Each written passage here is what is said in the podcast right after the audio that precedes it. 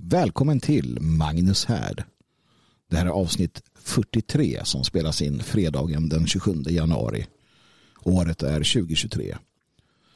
Dagens huvudämne. Det är ingen rolig historia. Tvärtom. Det är obehagligt. Men nödvändigt att ta itu med. Mitt tålamod med omskrivningar börjar tryta ordentligt.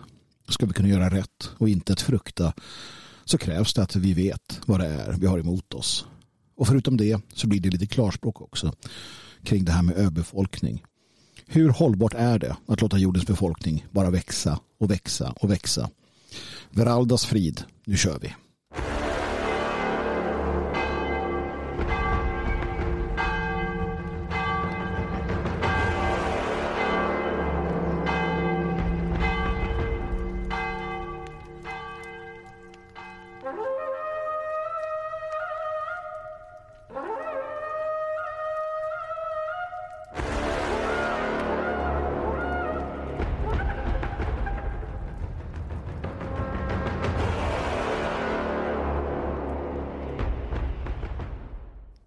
Har alla sett eh, de här bilderna som cirkulerar på sociala medier och på andra platser. Det är bilder, filmklipp eh, och annat från vår värld, framförallt från vår väster, västerländska värld. Och jag blir eh, illa berörd ganska många gånger.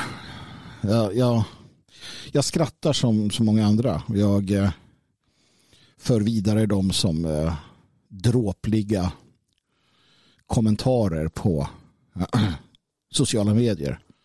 Jag eh, funderar kring dem. Och eh, det är klart att på många sätt så, så blir det dråpligt och det blir eh, konstigt. Det är människor som beter sig som, eh, ja, clownvärlden förtjänar. Man undrar, man, man ställer sig frågan vad är det som pågår? Och det som började som parodier på våra kanske mardrömmar om vad som väntade oss i framtiden har blivit uppfyllda eh, profetior på vad vi lever i. Jag, jag minns när det här med hen kom och jag minns när det här med trans eh, transor blev liksom det nya rörde sig i de extrema delarna av våra motståndares intellektuella vrår och det skrevs om på obskyra sidor.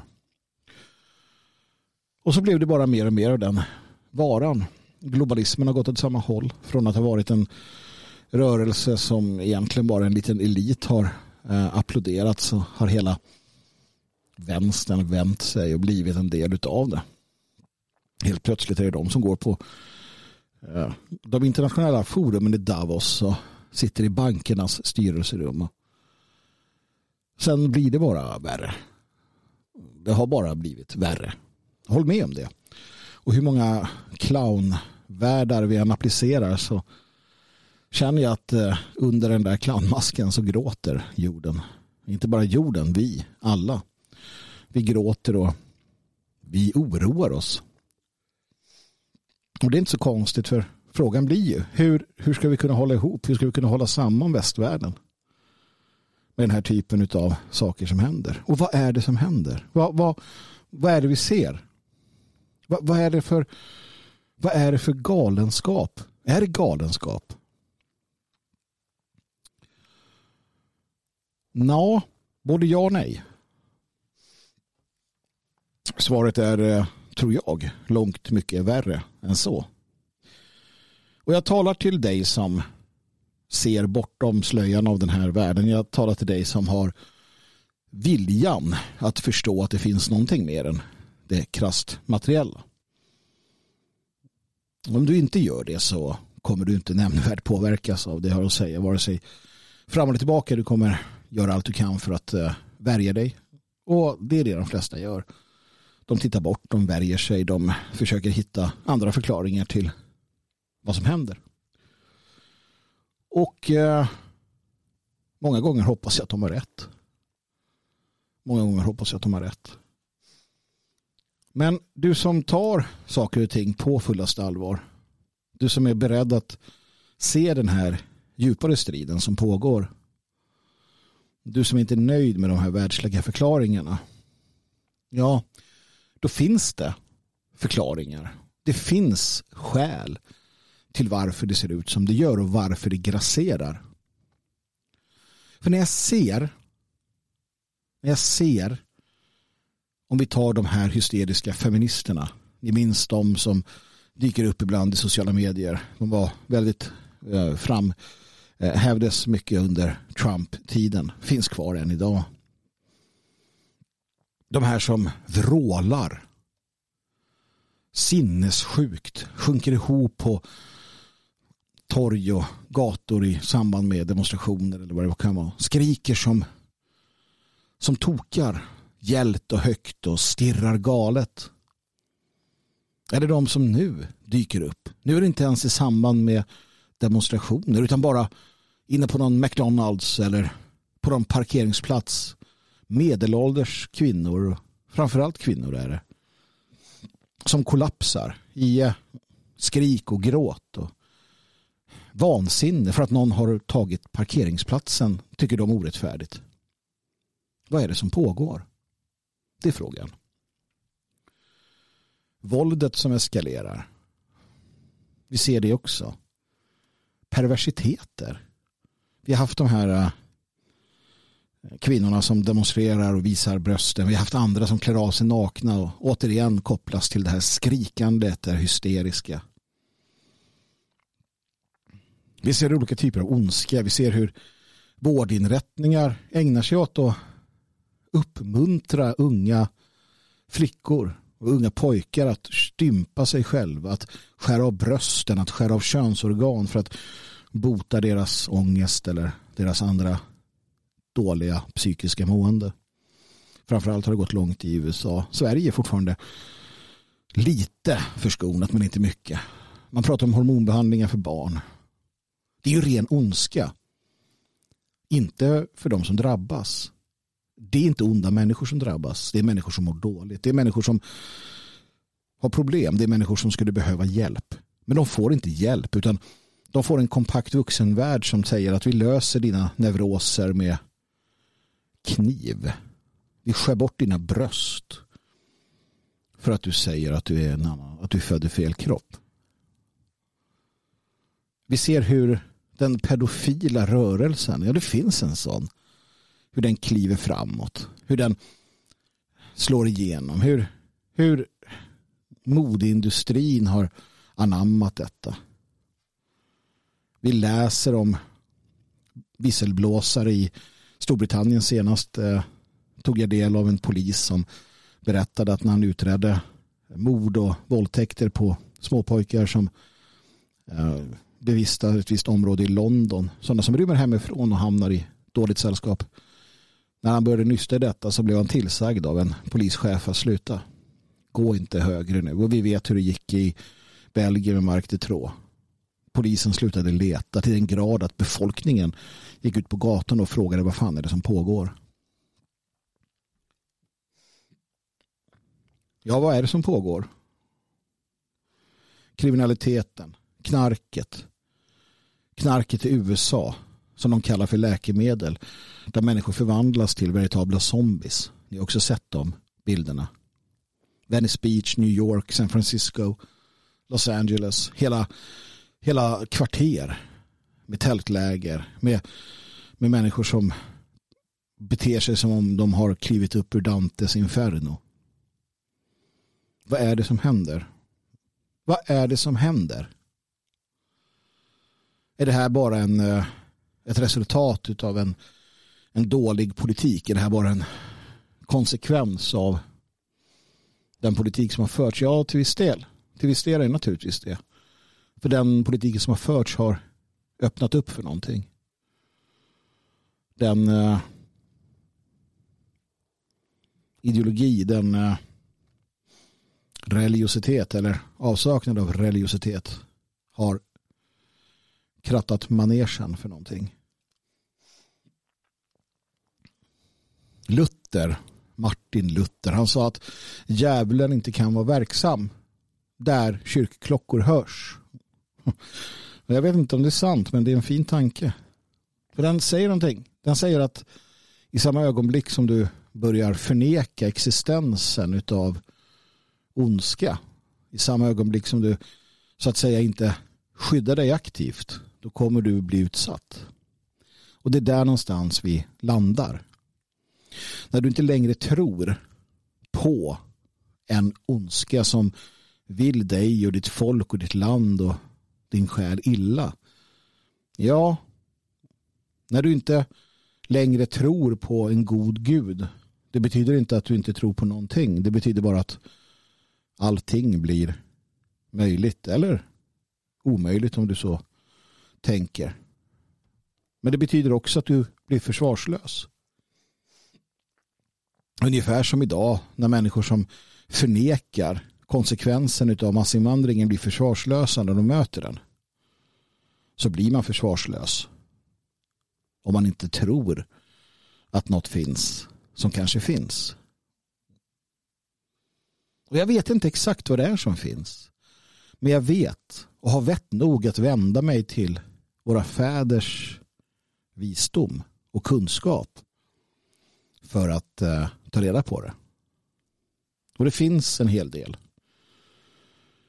Och den kanske bästa källan, den kanske mest klara, den tydligaste, den som, den som är mest lättillgänglig, det är Bibeln.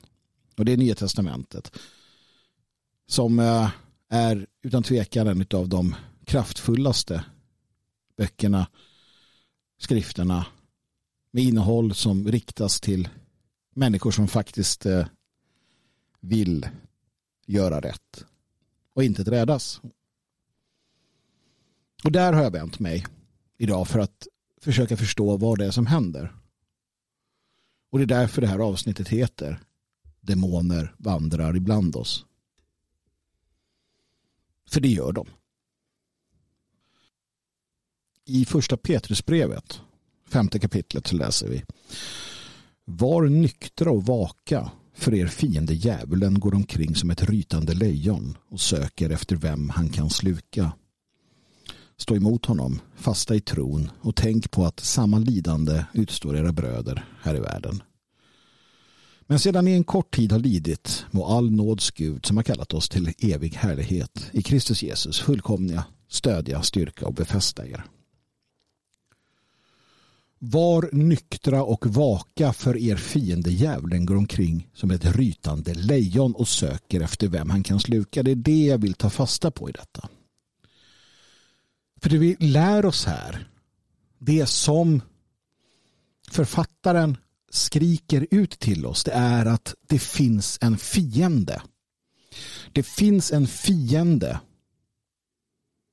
Och han kallar fienden för djävulen. Och den här fienden går omkring som ett rytande lejon och söker efter vem han kan sluka.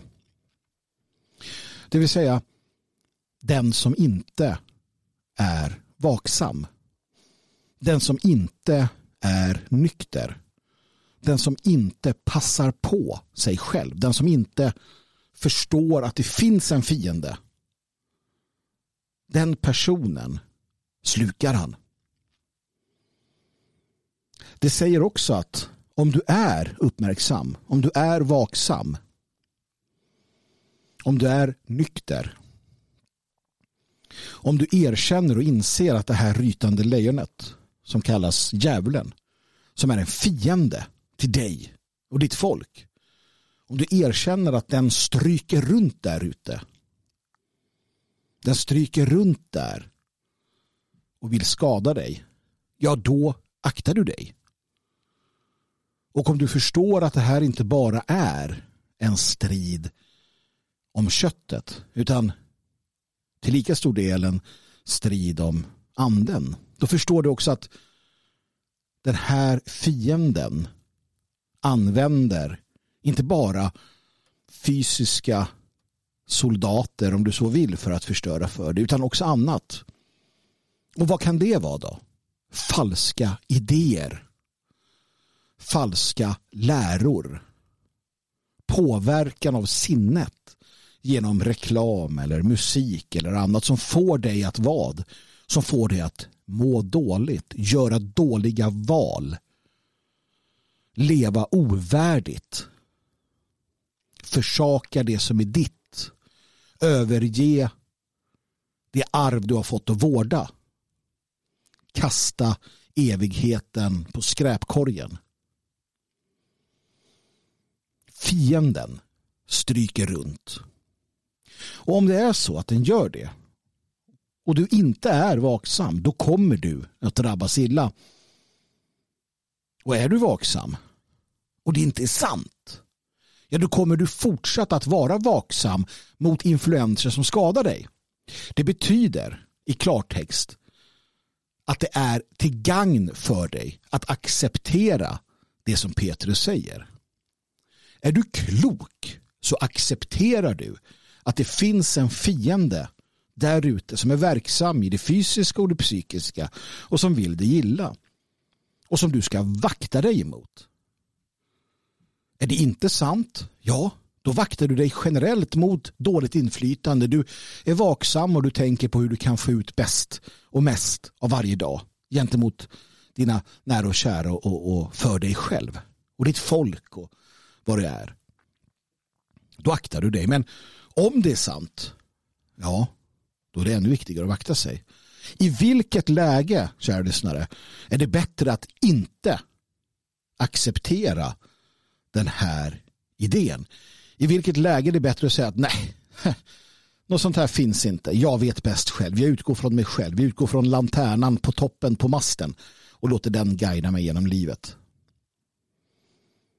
Ja, ni ser ju vad som händer med dem som gör det. Ni ser ju vad som händer med dem som gör det. Som tror sig veta bäst.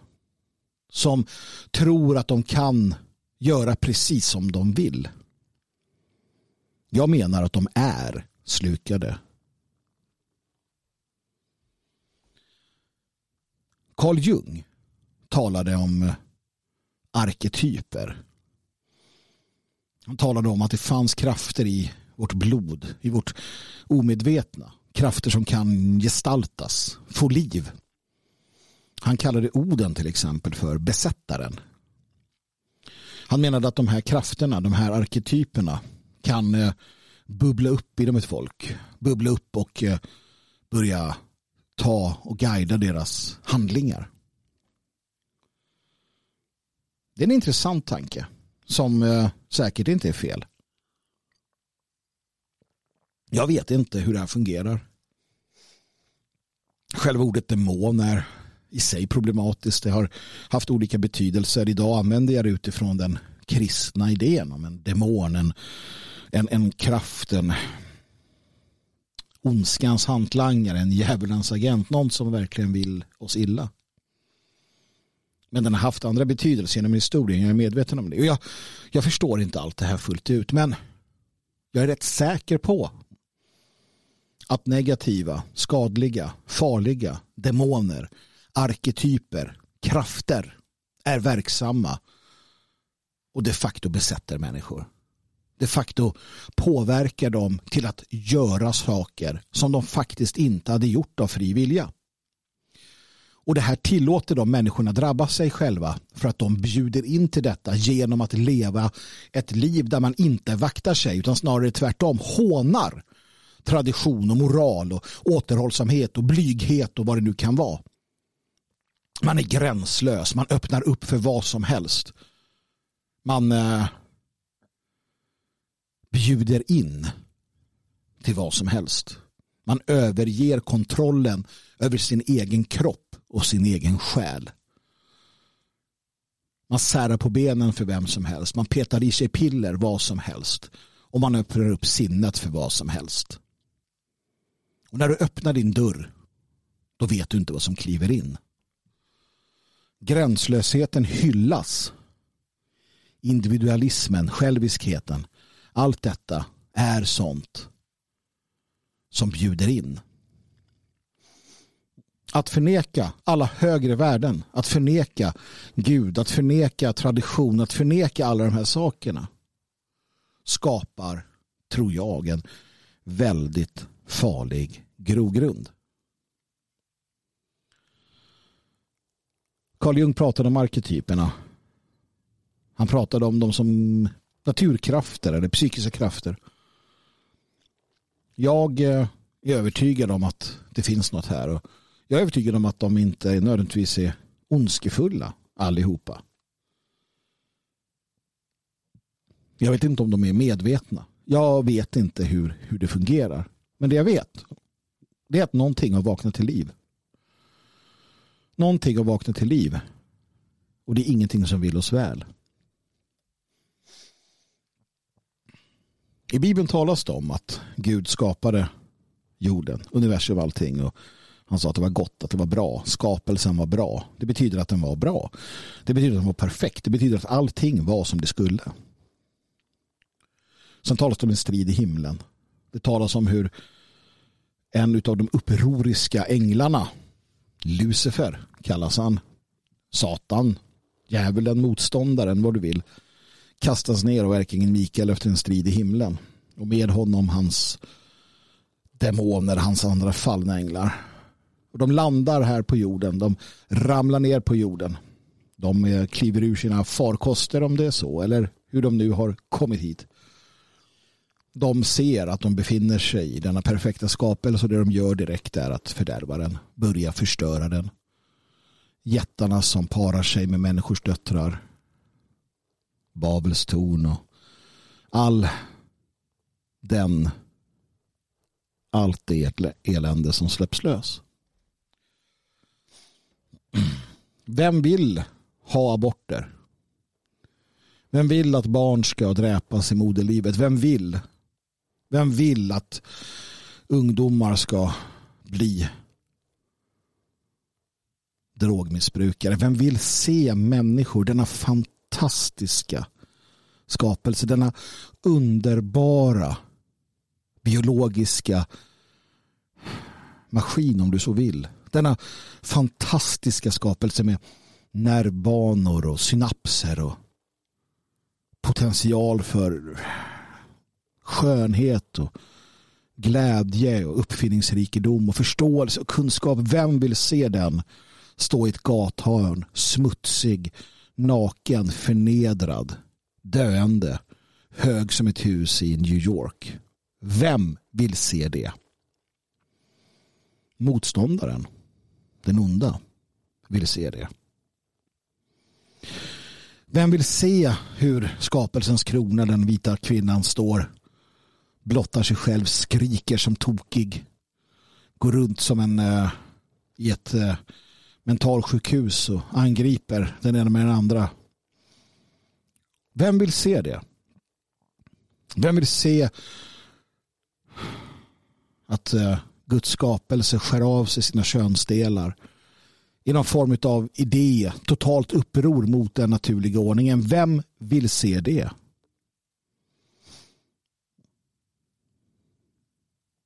Ja, när du vet det svaret. När du tänker till det rytande lejonet. Fienden som går omkring oss. Som söker efter ett offer att sluka. Där har du det. Demoner som vandrar ibland och så enligt somliga uttolkare så är det inte nödvändigtvis onda andar. Även om eh, det är ett enkelt sätt att förstå det på. Utan Somliga uttolkare hävdar att det är också att betraktas som demoner, det vill säga droger av olika slag. Sånt som förändrar sinnet på dig. Sånt som programmerar om dig, din kropp eller din själ. För att när du inte är dig själv, när du tappar kontrollen över dig själv, när du, när du intar de drogerna så blir du någonting annat. Du öppnar upp för någonting annat. Du gör saker du inte skulle ha gjort annars. Du eh, gör saker som du ångrar dagen efter. Då är frågan varför man gör de sakerna överhuvudtaget. När man vet att man kommer ångra dem. Man behöver det säger man. Mm. Jag vet inte. Jag vet inte. Det jag vet är att vi som tar saker och ting på allvar måste förstå den fiende var emot oss. Vi måste förstå det för att vi måste stå emot det. Och i Efesierna 6 så läser vi Till sist mina bröder, bli starka i Herren och i hans väldiga kraft. Ta på er hela Guds vapenrustning så att ni kan stå emot djävulens listiga angrepp. För vår strid är inte mot kött och blod utan mot furstendömen. Mot makterna, mot mörkrets världshärskare i denna världen. Mot ondskans andemakter i himlarymderna. Ta därför på er hela Guds vapenrustning så att ni kan stå emot på den onda dagen och förbli stående när ni fullgjort allt. Stå därför fasta. Spänn på er sanningens bälte kring era höfter.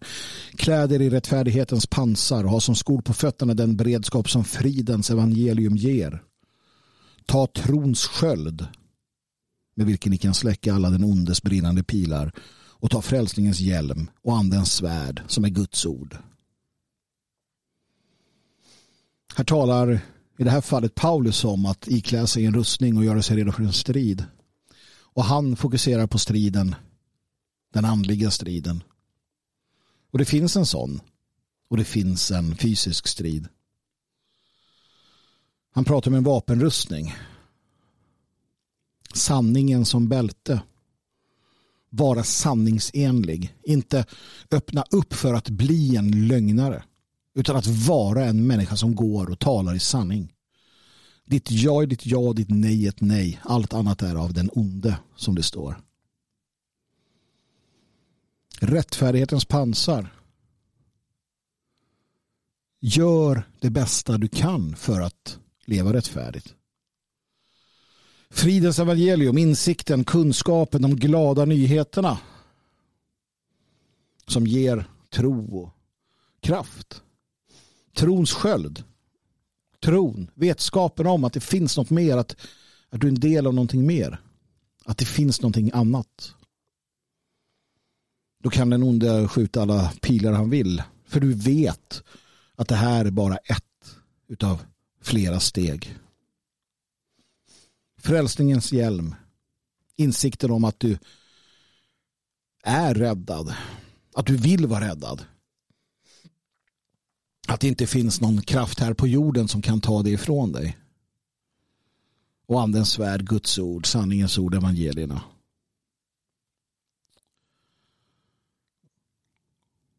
Det är det här som vi då blir anbefallna att ta till oss. För att får vi anta avsändaren vet vilken värld vi lever i. Avsändaren förstår det. Avsändaren har inblick i vad som väntar oss. Och avsändaren vill att det ska gå väl. Och avsändaren vet att vi har ett uppdrag. I Matteus 24 så säger Kristus till sitt folk. Sitt folk. Märk väl sitt folk, inte alla folk, inte alla människor som går på jorden utan sitt folk. Han är på Oljeberget. Han är där, som det står, de var för sig själva. Han och lärjungarna, inga andra. Och lärjungarna sa till honom eller frågade honom när ska det här ske? Vad blir tecknet på din återkomst? Tidsåldernas slut. Och Jesus svarade, se upp så att ingen bedrar er. Många ska komma i mitt namn och säga jag är Kristus och de ska bedra många. Och Kristus är vägen, sanningen och livet. Många har kommit och sagt jag är sanningen, jag kan det här, vi kan det här. Den liberala demokratin, Schwaubi, i Davos, Soros, presidenter, kungar, allt möjligt har kommit och sagt att lyd mig. Många blir bedragna när falska sanningsägare kommer. Du ska föra om krig och rykten om krig. Se till att ni inte blir skrämda. För allt detta måste hända. Folk ska resa sig mot folk, rike mot rike. Hungersnöd, epidemier, jordbävningar på många platser.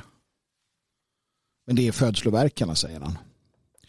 Och han säger att de som är lojala, sanna, de troende, de blir utlämnade till att plågas och dödas. De blir hatade för hans namns skull. Många ska falla.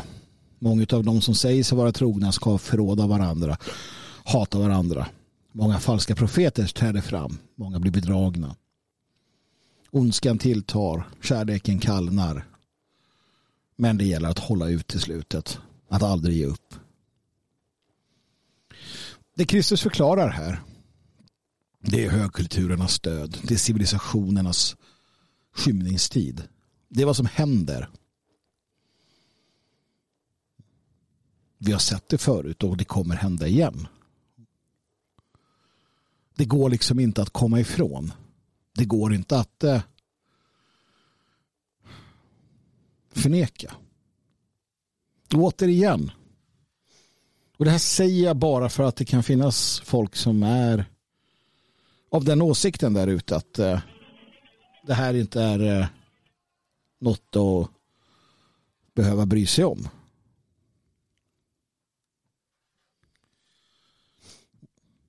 Jag vet att eh, det finns de som tänker så. Och ni måste förstå och ta till er att eh, även om just det inte är som det är det han säger, att det är han som säger eller vad du vill, så snälla förstå att det här är en menetekel, det här är en vägledning, det här är någonting som är giltigt. Det här är kunskap som baseras på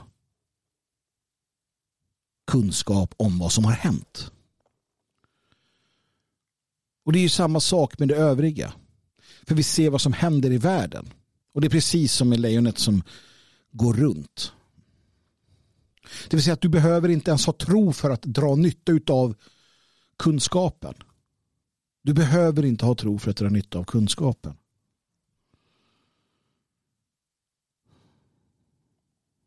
Och jag vill så gärna att så många som möjligt ska förstå det här.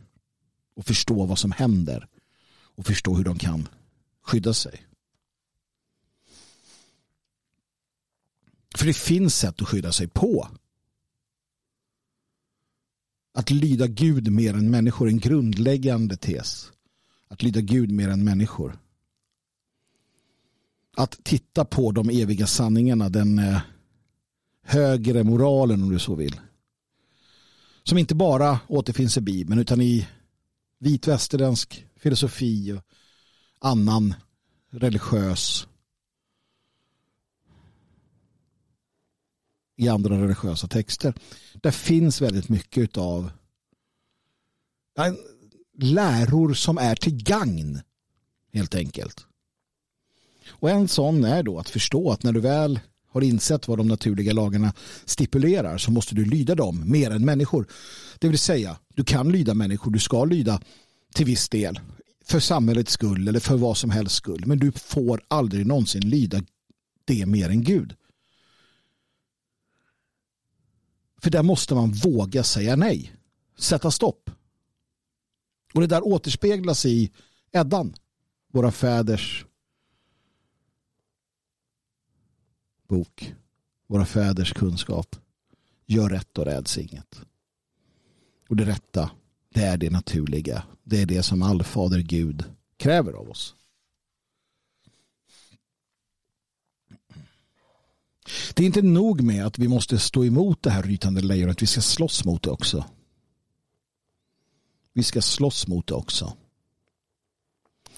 Jakob skriver Vet ni inte att vänskap med världen är fiendeskap med Gud?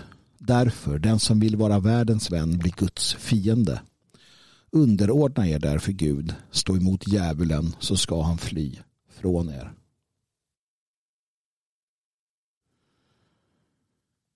Vänskap med världen är fiendeskap mot Gud. Säg det till Svenska kyrkan. Säg det till de som tror sig vara visa i världen. Säg det till de som följer världsordningen och kallar sig för sanningssägare och goda människor om du är vän med världen, med den sekulära, politiska, svekfulla världen, då är du fiende till Gud. Svenska kyrkan är Guds fiende. De kyrkor som eh, står i systemens tjänst, den världsliga maktens tjänst, alla kyrkor i princip, är fiender till Gud. För att det krävs så mycket mer. Och Jakobs brev är ett tydligt tecken på det.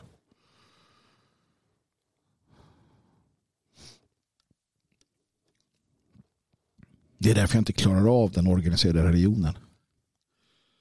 Jag önskar att jag kunde finna någon fristad någonstans där man kunde få bara vara del av någonting. Men icke. Jag, jag står inte ut med dem. Jag kan inte lyssna på präster som är uppenbart som är i uppenbart uppror mot Gud. mot den, den, den skapelse som, som vi har blivit givna. Nej, det går inte. Och det är vad de gör. På ett eller annat sätt så gör de det allihopa. Och jag tar det här på fullaste allvar. Återigen. Och det är dags att fler gör det. Det är dags att vi gör det tillsammans.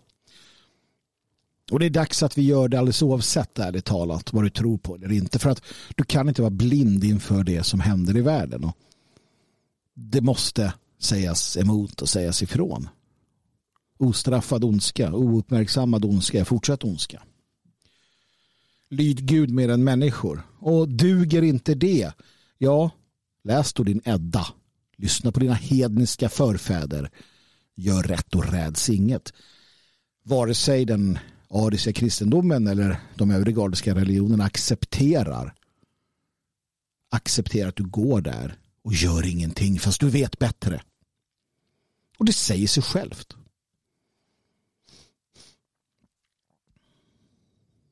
Och löftet är att stå emot den onda så flyr han ifrån dig. Men vetskapen är också att du kommer drabbas illa av det. Och tror du att du kan eh, gömma dig för konsekvenserna? Ja, om du intar en helt materialistisk ståndpunkt så är det ju så att eh, när du är klar så är du klar. Sen att du lämnar efter dig ett elände åt dina barn eller andras barn, det spelar väl ingen roll då. För att de får fäkta själva. Hur var det det stod i Eddan om den som vaktar sig för vapenskrammel för att få några extra år till. Spjuten sparas honom. Sen ligger han där på sin ålderdom eller hon. Och vad ska hon tänka? Vad ska han tänka då? Jag klarade mig i alla fall undan alla repressalier. Jag, jag var lojal och lydig till världen. Jag sa inte emot när de skar av brösten på unga flickor som mådde dåligt. Jag sa ingenting när, när vi bytte kön och när vi adopterade bort barn till, till homosexuella. Jag sa inte ifrån. Jag slapp i alla fall. Jag, jag, hade, min, jag hade det gott. Och nu är det slut. Och världen ser ut som den gör. Och, ja, det fanns ju de som sa ifrån. Och det var ju inte så kul för dem. Och här ligger jag nu. Jag vet inte om man är så jävla nöjd då. Jag tror inte det. Jag tror att man är nöjd om man kan tänka att jag har gjort det jag kunnat. Jag har sagt det som behövde sägas. Jag var så gott jag kunde lojal mot sanningen, mot det som var rätt. Jag lydde Gud mer än människor. Jag stod upp mot makten. Jag såg djävulen fly framför mig. Och nu är det slut. Nu får jag vila. Eller gå vidare. Eller vad som händer. Det är klart. Tror du inte på det? Bryr du dig inte? Nej, då är det som det är. Men jag talar inte till dig. Jag talar till dig som tror, som känner, som litar på Gud. Och vad innebär det då? Ja, jag vet vad det innebär för mig. Jag vet vad det innebär för mig att att förstå att demonerna vandrar ibland oss. De vandrar ibland oss i köttet och de vandrar ibland oss i anden. Det där rytande lejonet finns där hela tiden. Han cirklar runt mig. Jag känner honom. Jag vet att han är där. Vill få mig att göra saker som förnedrar mig själv. Som fördärvar mig själv, som förstör mig själv, som skändar skapelsen. Han vill eh, förleda mig hela tiden. Och därför försöker jag vara vaksam. Händer det att jag trillar dit? Oh ja, det är mänskligt att fela. Men jag är medveten om det. Det betyder inte att man går och får går och mår dåligt över det. Det betyder att man är medveten om det. Att man försöker att värja sig. Att man inser också att ibland så klarar man det inte.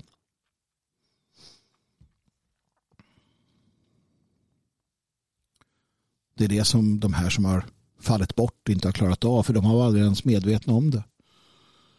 Om du är uppväxt i den här moderna världen med feministisk diskurs och allting. Då har du aldrig ens haft chansen. De har inte haft chansen, kära lyssnare. Det var kört från början. Och den här, det här att inte ha chansen, det har multiplicerats.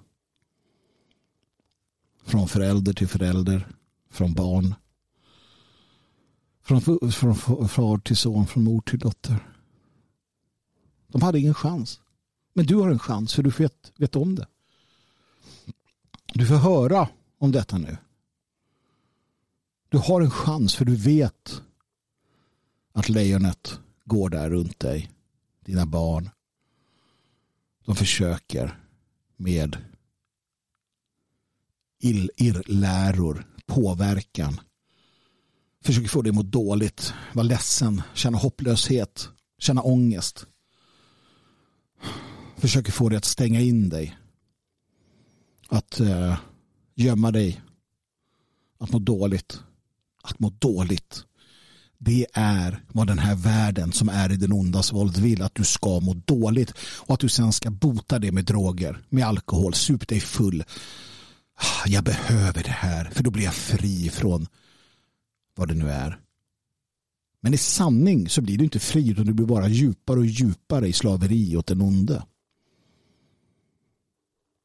Fri blir du när du kastar av dig allt det här. Fri blir du när du vågar se att det här är en del av en attack mot dig, mot oss, mot vår civilisation, mot vårt folk. Och den har pågått under all tid. Och du kan välja själv. Och det är därför du har fått den fria viljan som är så central för oss. Den är dig gudagiven, den fria viljan att välja allfadern. Att välja bort Satan. Att välja bort det depraverade, det som eh, drar ner dig. Och att välja det rätta.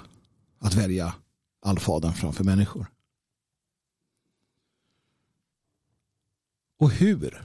Jo, men det vet vi. Vi vet det, för det var det som Petrus skriver om. Var nykter. Låt dig inte påverkas. Öppna inte upp de dörrarna som gör att du, att du blir försvagad. Håll dig borta från det som förändrar dig, som gör din motståndskraft sämre. Återigen, allt dumt jag har gjort i princip har jag gjort när jag varit full. Varför? Jo, för att den mjukar upp min motståndskraft mot jävligt dåliga idéer. Vaka, var vaksam. Vet att det finns krafter hela tiden som vill fördärva dig. Allt ifrån internetreklamen för roulette till, eh, till den, den lättillgängliga pornografin som, som försöker programmera om din hjärna till eh, överflödet av annat i vårt samhälle som skadar dig. Vi har alla våra later. Vi har alla det som vi vet att vi måste jobba mer med. Som vi måste vara hårdare mot oss själva på. Och förstå då att när vi gör det då gör vi Guds vilja. Då gör vi allfaderns vilja. Då gör vi det kollektiva vita folkens vilja och behov. Då spottar vi det rytande lejonet i ansiktet och slår vi han på truten. Inte idag, Satan. Inte idag kommer du vinna. Inte idag. Det är, det är en bra sak att säga när du, när du har stått emot när du har stått emot att köpa den där bullen som du definitivt inte ska köpa. Som du vet med dig du inte ska köpa. Om det är ditt eh, problem. När du har lämnat den bakom dig. Inte idag. Inte idag Satan. Inte idag.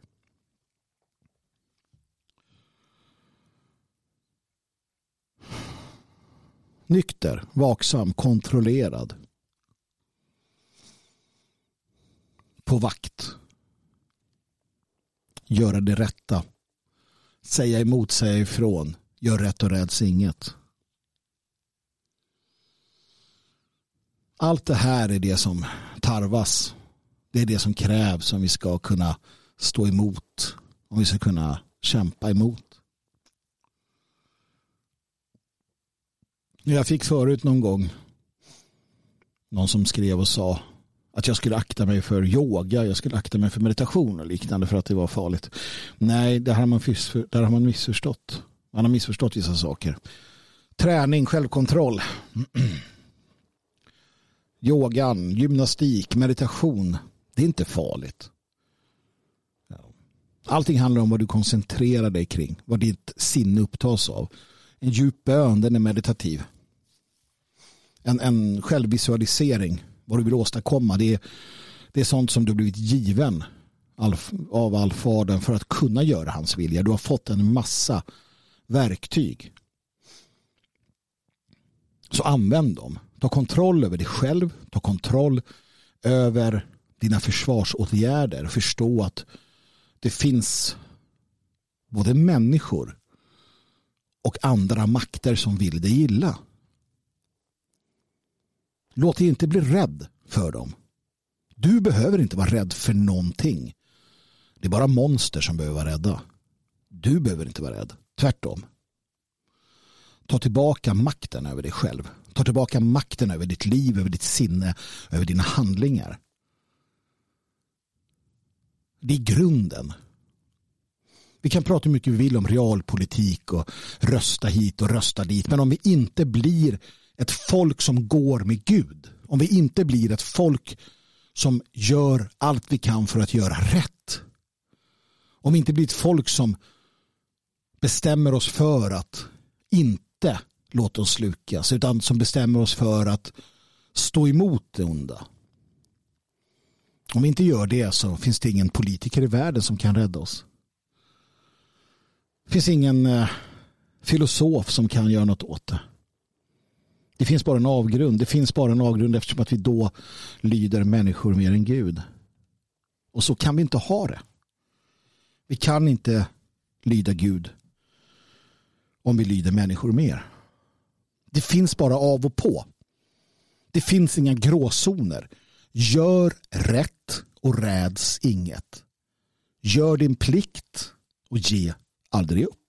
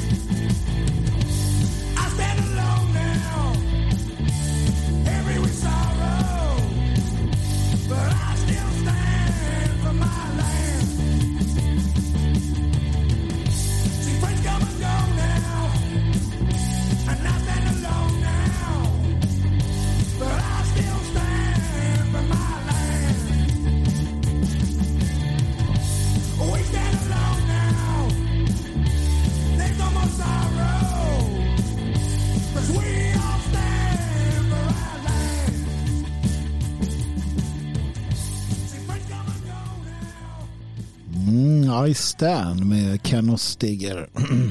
I stand alone now. Det är sådär man känner ibland när man tänker på de gamla kamraterna. Var tog de vägen allihopa som skulle stå där på barrikaden och stå emot? Ja, fick annat att göra helt enkelt. Eh, uh, Ken och Stigger från, uh, det är Ken och Stigger som uh, sjunger I stand. och musiken spelas i samarbete med Midgård såklart. Midgardshop.com och Liverplay, liverplay.se. Det är en uh, trygg känsla ändå. Man vet att man står där. Man vet vad man ska göra. Det, det, det, det alltså jag kommer inte ifrån den, den enorma trygghet som det är att veta varför jag är här. Vad som än händer så vet jag varför jag är här. Jag vet vad jag ska fokusera på. Jag vet vad som är det viktiga. Sen, sen går livet i vågor och man måste ibland göra annat eller man, man måste fokusera på annat för att, för att det är som det är. Va? Men man vet ändå där att jag har ett uppdrag. Allt det här är till gagn det jag pratade om tidigare är till gagn för dig om du inte låter dig bli skrämd av det. För att så fort du blir skrämd, så fort du rusar åstad, så fort du känner panik, då kommer ångest, då kommer elände och då får du motsatt syfte.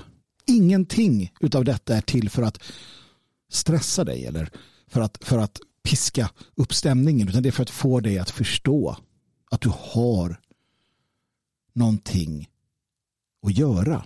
Att du har ett uppdrag. Att du är utvald för att göra någonting bättre och att du inte kommer någonsin prövas värre än du klarar av det. kom en fråga. Ställdes i eh, Dagens Svegot faktiskt. Men jag fick det bollat till mig för att det passade kanske här den bättre blir kallad av vissa inom frihetsrörelsen som protesterar mot globalisternas vaccin och kontrollagenda för nazist när jag motsäger det hållbara i att befolkningen ökar till 10, 12, 15, 20 miljarder på ett par hundra år. Jag skiter i att folk kallar mig nazist då det från dem endast är menat som ett invektiv. Men frågan lyder, ska jag bara ignorera det som de påstår? De som påstår att vi globalt skulle kunna dubblera folkmängden eller börja fokusera på att tillsammans med andra nationella mer direkt arbeta för att motverka att en sådan expo exponentiell folkökning sker och i så fall hur. Och jag är uh, definitivt med dig här. Det är klart att en, en sån där befolkningsökning som jag har hört de här jag har hört de här människorna säga det att, det, att, att jorden kan gott och väl Eh, föda tre gånger så många som vi är nu. Det finns inga problem med det. Ja. Och ehm, det, det, det är möjligt att det går. Det blir inte särskilt trevligt dock. Um. överbefolkning är ingen rolig sak. Och jag för min del kan jag överhuvudtaget inte förstå varför det skulle vara en bra idé med överbefolkning av människor som inte klarar av sig själva ens.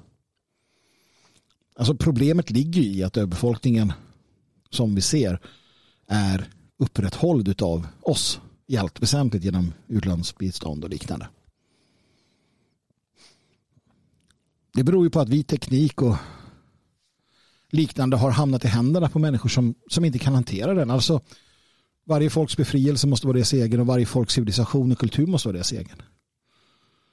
Det, det är ju som att du det är som att det skulle komma några extremt avancerade utomjordingar och, och liksom skyffla på oss här i Norden säger det, eller någon annanstans någon form av teknologi som, som vi inte riktigt förstår.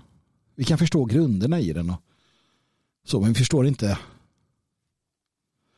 de vidare implikationerna av att använda den. Eftersom att det inte är vår. Den typen av eh, uppfinningar och teknisk innovation, det, det är ingenting du bara kan dela med dig av hur som helst. För det förändrar maktbalanser, det förändrar hur du ser på dig själv och hur du ser på din omvärld. Det är processer. Det är därför de ska ta den tid de tar. Det är vansinne. Och, och den, där, den där fredsrörelsen den driver till knäpphem. Jag, jag förstår inte vad det är för form av för form av tok ärligt talat. För jag har hört det där som sagt att eh, globalisterna då, Soros och grabbarna, de, eller frimurarna eller Illuminati eller trilateralerna eller ja, vilka som den må vara då, att deras mål är på något sätt att um, hindra befolkningsökningen. Att uh, de ska se till så att man i Afrika inte kan skaffa så många barn som man gör idag. Ja, men om det nu är sant, då är ju det bra. Det, det, du kan ju inte komma ifrån det faktumet. Det är bra, det är objektivt sett bra om befolkningsexplosionen i Afrika stannar upp och till och med går tillbaka. Det är bra för Europa. Och alla som säger att det inte är det, de förstår ju inte sådana grundläggande saker som etnicitet. Eller ras, vilket är centralt. Och allting beror ju på att vi har gjort uppror mot Gud och allfaderns lagar. Istället för att göra det vi ska så gör vi som vi tror att vi borde göra eller vad vi vill. Eller vi lyssnar på lögnarna, vi lyssnar på de som vill att det ska gå åt helskotta.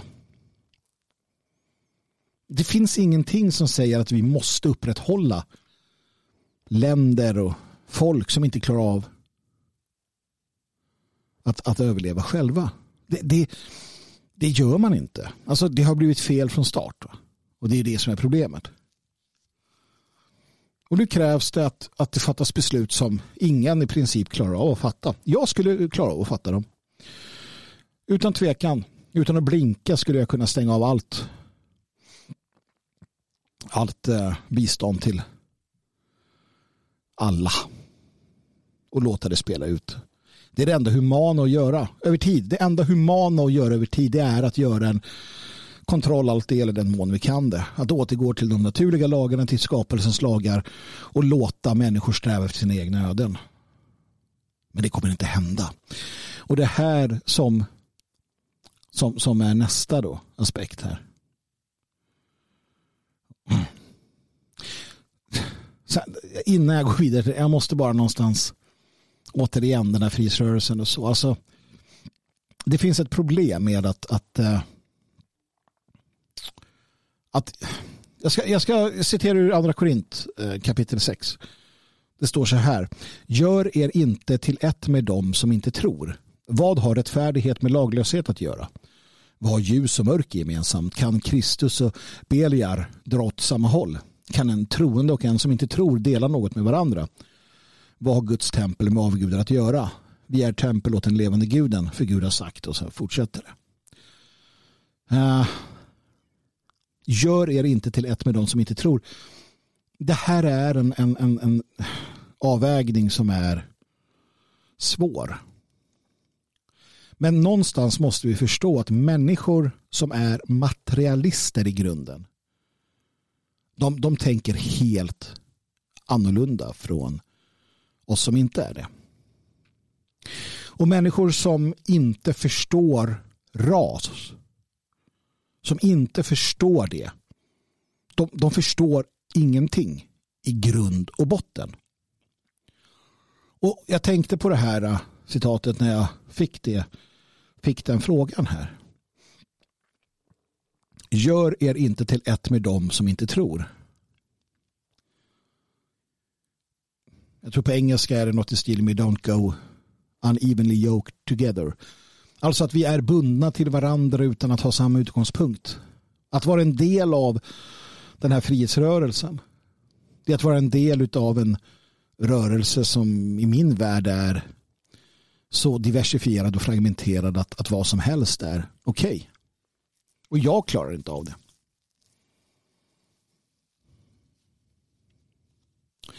För att någonstans så finns det ett slut på att vrida och vända på allting. Någonstans finns det ett slut på att inte ta tydlig ställning för någonting. Och det här är något jag brottas med i min egenskap av eh, det arbete vi gör med, med radio, eh, med, med, med Dagens Vego, där vi, där vi försöker att vända och vrida på saker. Vi försöker att ta olika positioner för att komma fram till någonting. Men det blir allt svårare när jag ser, i, i, när jag ser vartåt världen är på väg. Det är allt svårare att inte ta tydlig ställning. Och vi tar ju naturligtvis tydlig ställning i de grundläggande frågorna om, om svensk frihet och överlevnad och så vidare. Men, men i andra frågor. Gör er inte till lätt med någon som inte tror. Alltså, gör er inte beroende av, gör er inte till en del av någonting som till stor del inte är som ni själva eller det som ni tror på. Jag tror att det är viktigt att ha med sig. Återigen, det finns eh,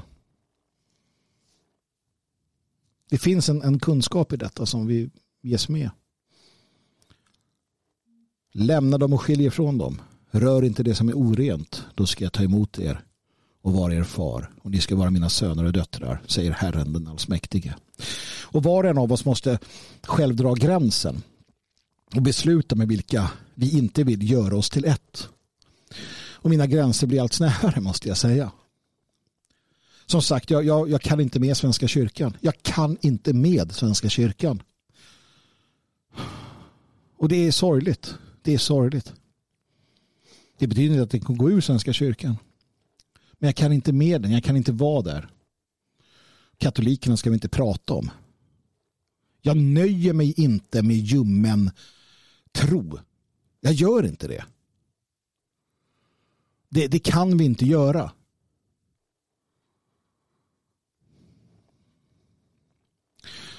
Men det betyder inte heller att man måste attackera dem. Till exempel då frihetsrörelsen. Jag tänker inte ägna en massa tid åt att attackera dem. Jag säger vad jag tycker. Men att ha något med dem att göra, att försöka övertyga dem, övertala dem. Nej. Vi måste säga det som vi får i uppdrag att säga. Vi måste göra det vi får i uppdrag att göra.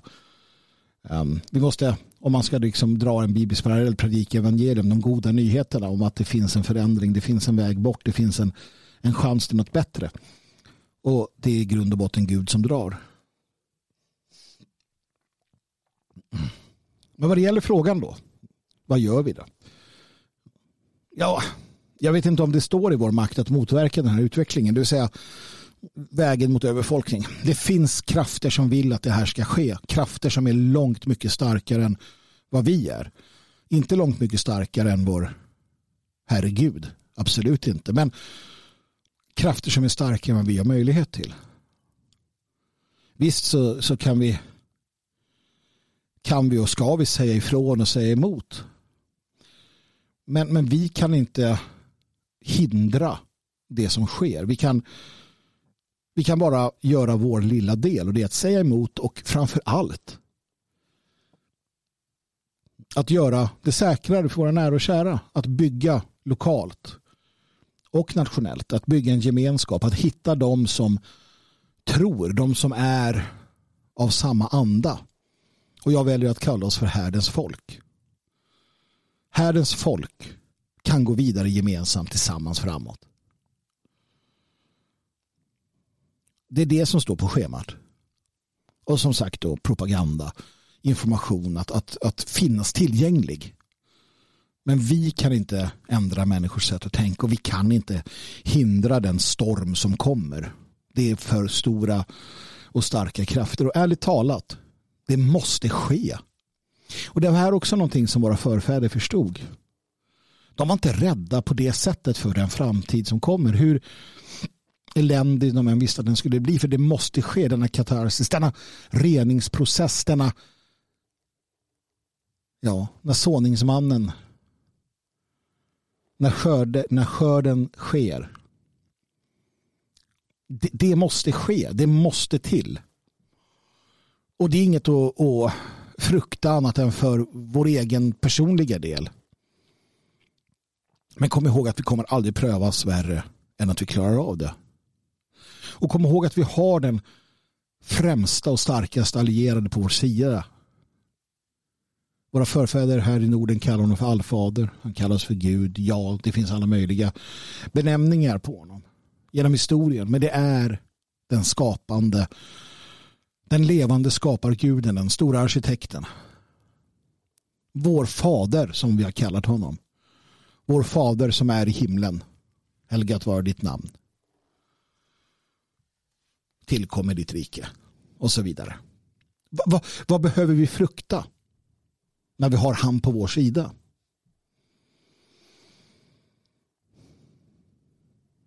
Och det har vi. För att det har den som lever i enlighet med de skapande lagarna, med naturens lagar. Och det är här, det är här vi skiljer oss från dönickarna inom de organiserade religionerna eller tokstollarna i den ena eller andra eller tredje sekten eller de som står och gastar och gormar i något hörn någonstans.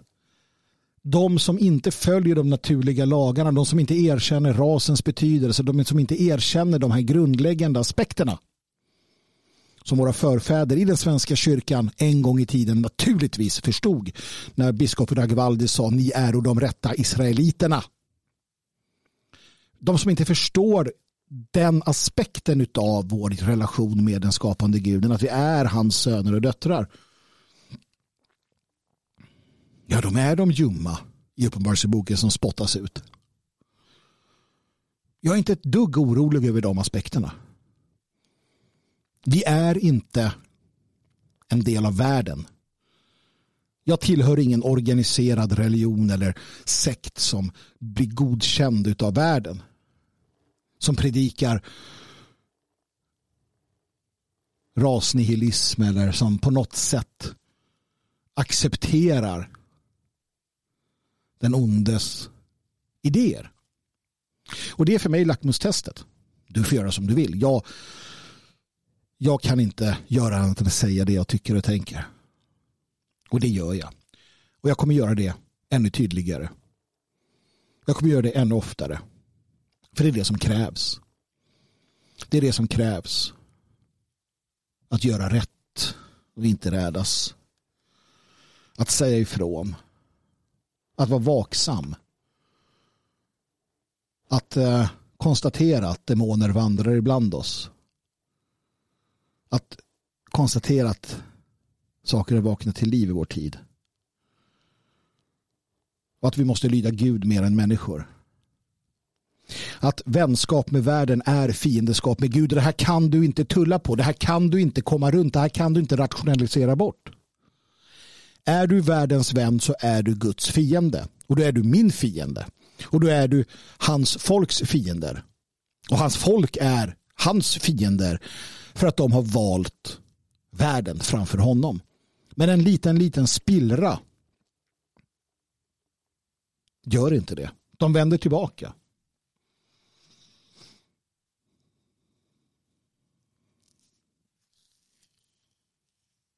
Det är det jag menar när jag säger att vi måste förstå och mena allvar. Och naturligtvis så finns förlåtelsen och det som många ibland anklagar kristendomen då för att vara så vek och tråkig och tramsig. Ja, men det är för att vi vet. Det är för att vi vet att vi är som vi är. Jag hoppas att ni förlåter mig och jag är däremot definitivt beredd att förlåta människor. För jag vet hur det är. Och allfadern han förlåter också. Det är ingen fara. Man får be om förlåtelse. Det är inte ett svaghetstecken. Svaghetstecknet är att framhärda i sin dumhet.